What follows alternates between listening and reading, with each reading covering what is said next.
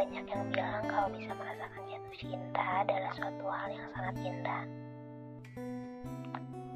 Jatuh cinta akan membuat hari-hari menjadi lebih berwarna.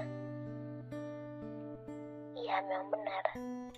Siapa yang tak senang bila sedang jatuh cinta? Mau pergi, ada yang nemenin. Lagi sakit, ada yang merhatiin. Pengen cerita, ada yang dengerin. Sampai-sampai pengen banget waktu berhenti saat itu karena terlalu indah untuk dilewatin gitu aja.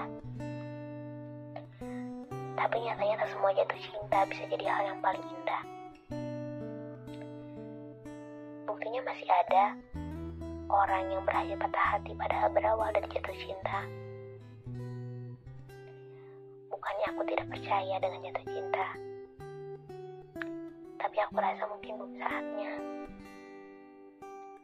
Aku masih takut rasa yang awalnya terasa sangat indah akan berakhir menjadi perasaan yang tak ingin aku rasakan sama sekali. Aku masih takut kehilangan sesuatu yang ingin aku miliki selamanya. Meskipun aku tahu tak ada sesuatu yang aku bisa miliki selamanya. Perasaan ini memang tidak salah. Tapi aku rasa waktu yang memang belum tepat. Jadi, sabar ya. Kita pantaskan diri masing-masing menjadi pribadi yang lebih baik lagi dan bertemu di suatu masa yang memang telah ditakdirkan untuk kita.